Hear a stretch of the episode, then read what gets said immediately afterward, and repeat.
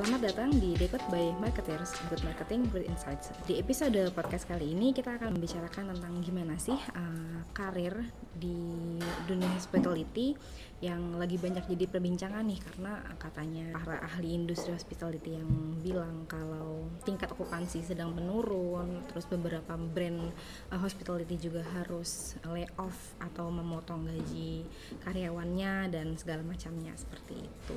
Uh, di sini kita akan ngobrol dengan Zita Hana Mariska, VP Business Development Archipelago Indonesia gitu. Halo Mbak Zita. Halo Mbak Eli. Oke deh, uh, boleh gimana nih diceritakan kabar-kabarnya di tengah-tengah uh, pandemik ini ya gitu. Pertama dari mungkin dari diri Mbak Zita dulu sampai nanti disambung dengan kondisi bisnis uh, hospitality kayak gimana sih sekarang? Oke, uh, Mbak Eli terima kasih atas kesempatannya. Kalau kita ngomong bisnis hotel, memang sekarang pada saat pandemik ini uh, banyak sekali uh, penurunan yang sangat tajam ya, yang sangat signifikan. Tetapi kita sendiri sangat optimis bahwasanya hotelier-hotelier ini akan comeback lagi, hospitality ini, dunia per perhotelan ini, uh, pariwisata juga akan uh, balik pelan-pelan kayak gitu kan. Uh, memang dengan cara yang bertahap kayak gitu. Yang paling penting sih dari uh, dari suatu bisnis adalah uh, uh, kita berpikir secara positif dulu, mindset kita juga uh, harus positif dulu gitu kan ya. Kalau udah positif kita ngejalaninnya juga enak kayak gitu. Uh, terutama untuk uh, bisnis-bisnis yang memang kena sangat kena dampaknya dari covid ini. Tetapi uh, sekarang ini setelah dua bulan eh tiga bulan ya kita jalan dari bulan Maret April Mei uh, dan sekarang alhamdulillah sudah mulai peak untuk hotel-hotel perhotelan Indonesia sudah banyak staycation staycation promo-promo hotel retreat yang uh, murah-murah kayak gitu kan. Jadi uh, alhamdulillah dan ini juga government sudah mulai meeting. Uh, contohnya di beberapa hotel kita sudah ada meeting government walaupun dibatasin dengan standar dan uh, dengan standar covid protokolnya covid gitu kan ya dengan standar dari WHO juga mengenai standar kesehatan pada saat covid untuk di hotel ataupun di public area. Nah uh, yang kurang lebihnya sebetulnya sama lah sama bisnis lain. Bahwasanya kita tetap selalu optimis ini kita bisa jalanin bersama-sama uh, walaupun kita harus berdampingan dengan corona gitu kan ya. Tetapi uh, saya yakin kok ini tuh cuma sementara gitu kan ya. Sehingga kalau kita pikir-pikir uh, semua itu akan bertahap. Sekarang kayak orang lebih mentingin perutnya ya daripada coronanya lagi ya, kayak gitu loh. Itu poinnya kayaknya. Karena kalau aku bilang kalau kita mikirin corona terus ya mau sampai kapan kayak gitu kehidupan kita harus berjalan gitu kan ya. Kebutuhan juga harus berjalan. Berarti gitu. kalau misalnya kita bilang udah mulai normal lagi bisa bisa nggak sih nih uh, dibilang hospital industri hospitality ini udah mulai uh, balik lagi. nih yes. ke ya untuk balik lagi ke normal ya iya. ke ini balik makanya saya bilang setelah corona ini kan sebetulnya ada new normal atau transisi gitu kan yang mana transisi ini sekarang bertahap akan balik gitu kan ya uh, ke normalnya. Mungkin ya new normal itu dalam arti kata ya kita sekarang dari segi kesehatan kita yang berbeda gitu kan ya. Ke mana-mana bawa hand sanitizer bawa masker dan segala macam itu salah satunya. Tetapi kalau untuk bisnisnya sendiri ya alhamdulillah nih kita udah mulai mulai peak juga kayak gitu kan. Uh, okupansi dari yang tadinya cuma lima persen malah nggak ada lagi. Bahkan tutup sama sekali nol sampai 5% terus beranjak dari uh, eh, 5 sampai 10 atau 15% sekarang sudah mencapai mungkin kalau saya hitung udah mungkin di angka 30 sampai kurang lebih 50% sudah ada di beberapa hotel kita juga gitu kan. Maupun juga hotel-hotel lain kayak gitu. F&B juga sudah mulai jalan satu persatu kayak gitu kan. Mungkin nggak nginep tapi ketemu harus meeting point. F&B sudah berjalan. Jadi uh, pemasukan hotel sendiri ya alhamdulillah baik dari income dari revenue hotel uh, sorry uh, income roomnya maupun dengan revenue dari F&B-nya alhamdulillah bertahap berjalan kok kayak gitu. Siap. Nah, untuk uh, informasi untuk pendengar di code nih, ya, kita juga wawancaranya walaupun face to face tetap pakai uh, protokol ya nih Mbak ya. ya. Benar. Gitu deh.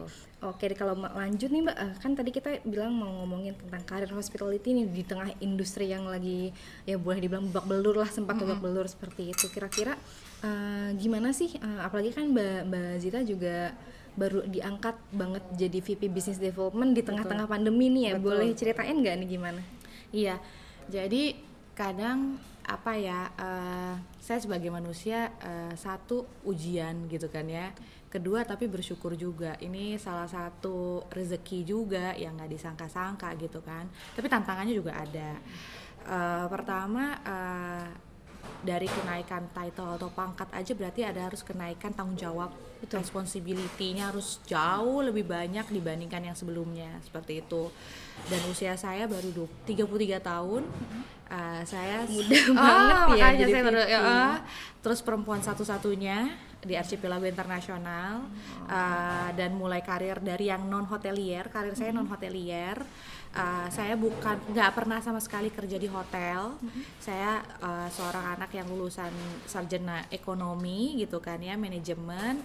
Lalu saya bekerja di hotel ini mulai tahun 2011 sebelumnya di, di perusahaan lain ya di bidang lain kayak gitu kan. Karena saya lulus uh, S1 2008 memulai kerja itu 2009 jadi dua tahun pertama saya masa kerja itu bukan sebagai hotelier sama sekali kayak gitu kan. Baca-baca kayak katanya jadi public relation ya. Iya, Gitu. PR sempat jadi public relation juga di suatu uh, perusahaan financial company. Terus sempat juga saya uh, on the job training di Garuda Indonesia dulu sebagai liaison officer gitu kan. Hospitality dapat dari situ.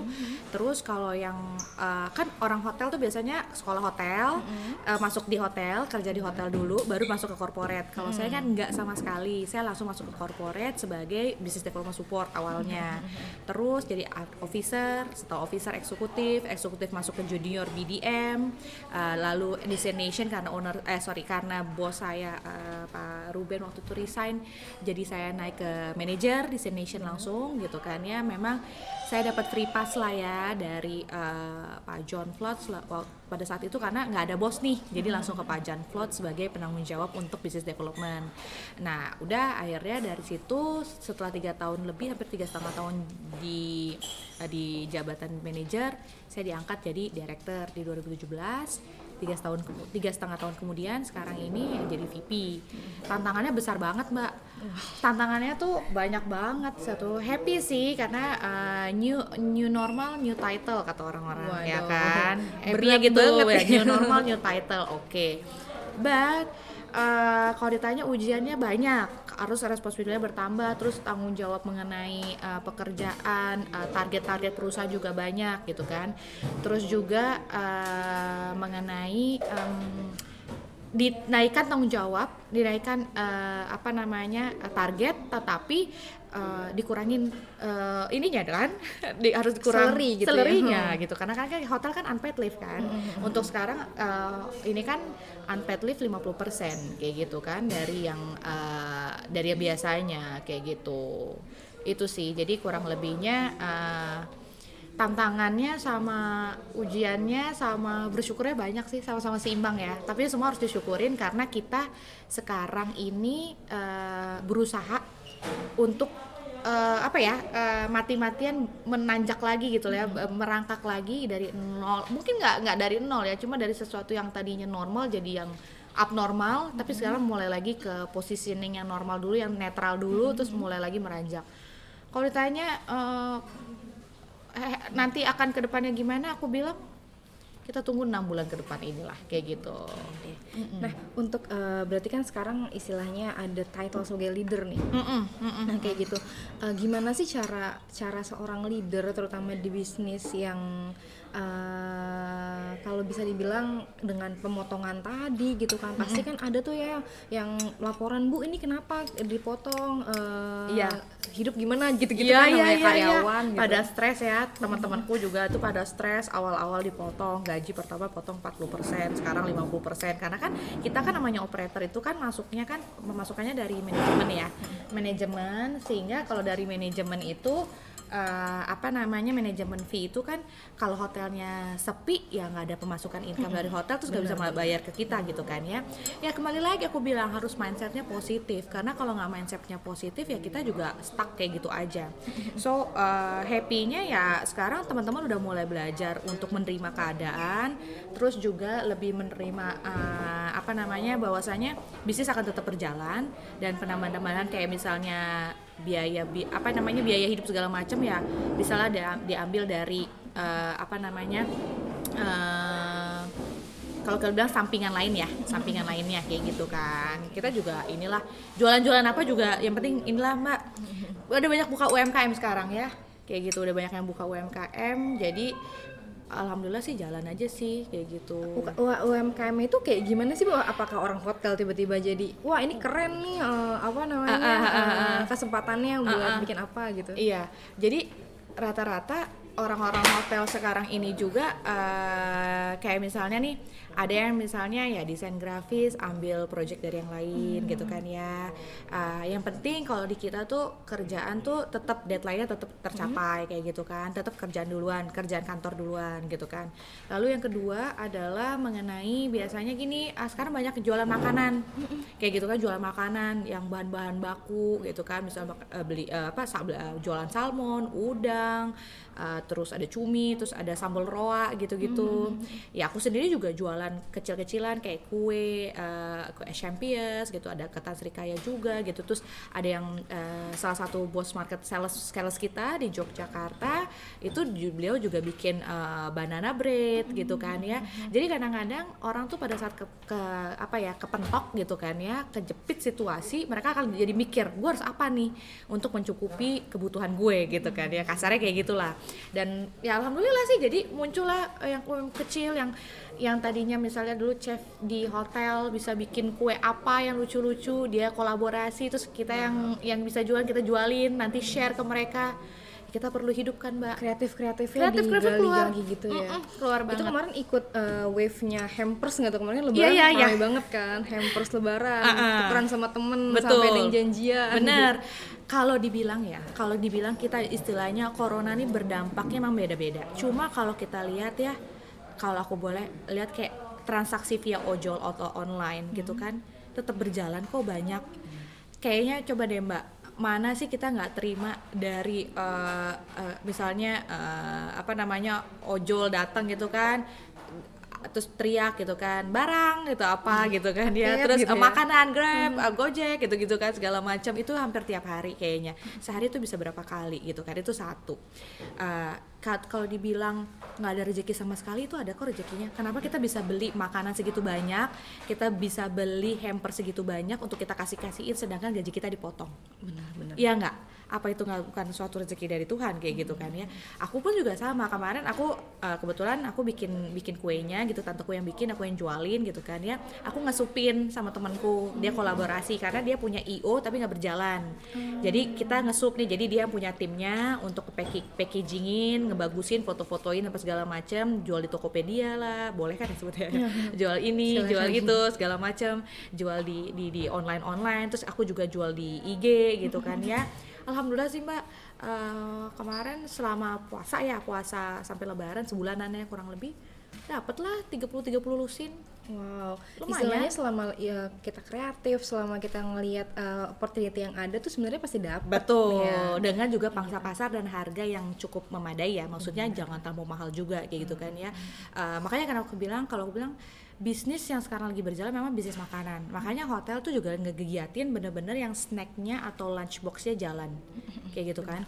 Eh, mereka ambil eh, apa eh, catering dari luar gitu kan ya. Misalnya eh, mereka buat terus bikin eh, bento box, lunch box, terus mereka harus sup-supin ke kantor-kantor ataupun ke rumah-rumah atau ke mana kayak gitu. Jadi sebetulnya kalau ditanya nol sama sekali nggak juga. Ada kok kalau kita mau usaha kayak gitu kan.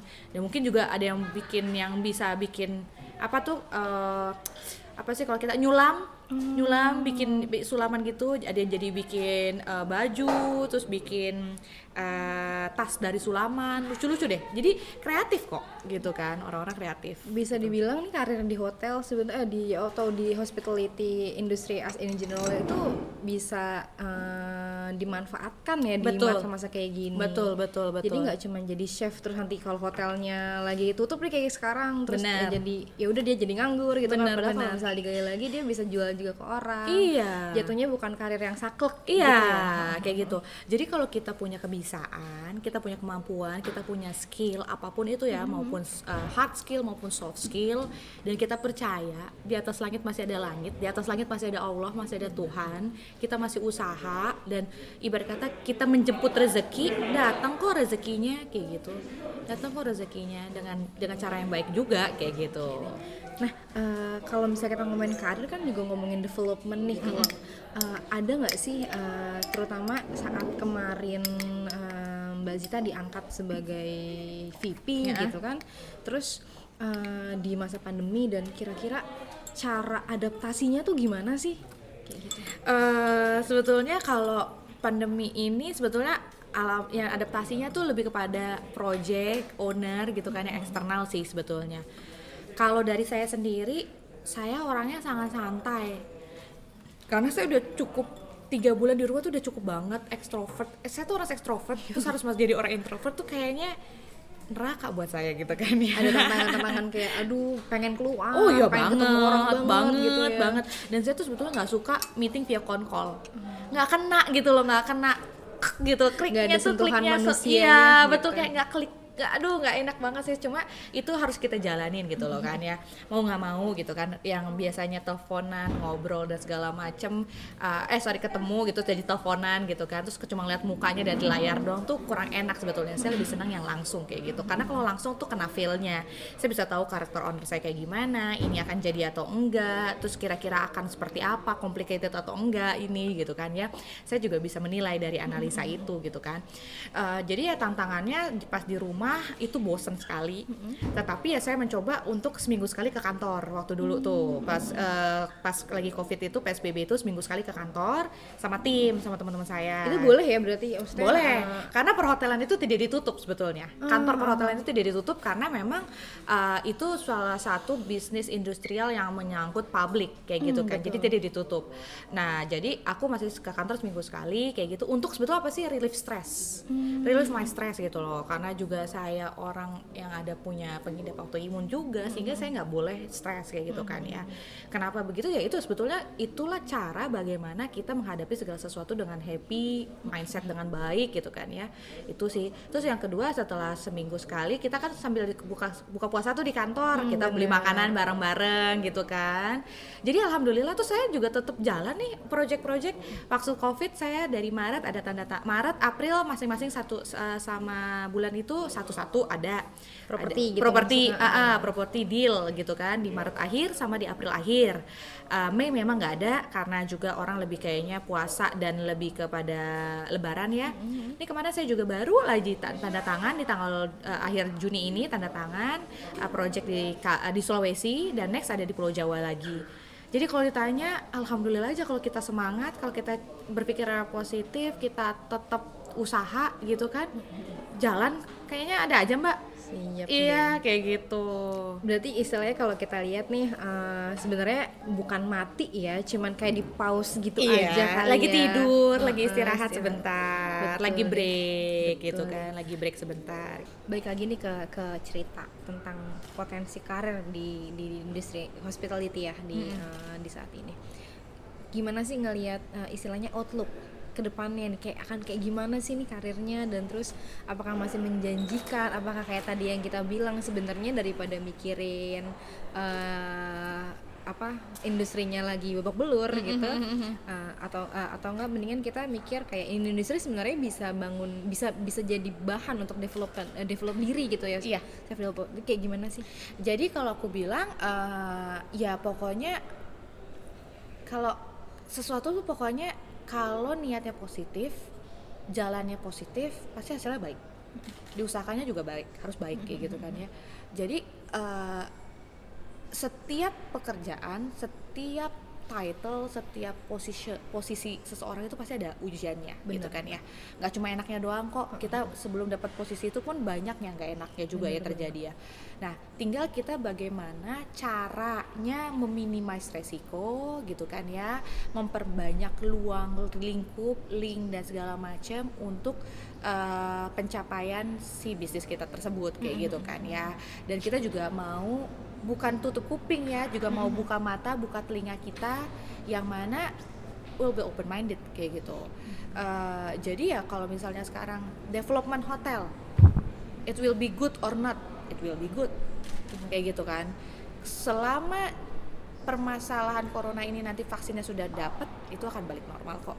Tetapi orang itu juga perlu untuk rilis stresnya mereka benar kayak gitu kan ya sehingga kenapa satu-satunya jalan jika mereka nggak bisa ke mall nggak bisa ke suatu mana ya eh, taman rekreasi or whatever itu karena ketakutan mereka mereka bisa happy ke hotel cari suasana baru kayak gitu kan ya. Jadi kalau ditanya development untuk selain development hotel dan development diri pasti ada. masih masih menjanjikan lah nih kalau misalnya dibilang kalau kamu punya properti jadiin aja di hotelnya kayak Iya. gitu gitu kan atau enggak kalau ada hotel-hotel yang membuka lowongan daripada mikirin ah industrinya kayak lagi jelek deh Iya, gitu iya, ya mendingan iya. masuk aja dan ya. masih banyak kok loker-loker kalau misalnya dilihat di Instagram, di LinkedIn, eh, terus di eh, apa namanya online online tuh banyak kok mbak, masih banyak kayak gitu. Jadi jangan putus harapan juga lah gitu kan. Kalau orang tuh bilang kalau saya tuh kalau kata orang tua tuh selama badan itu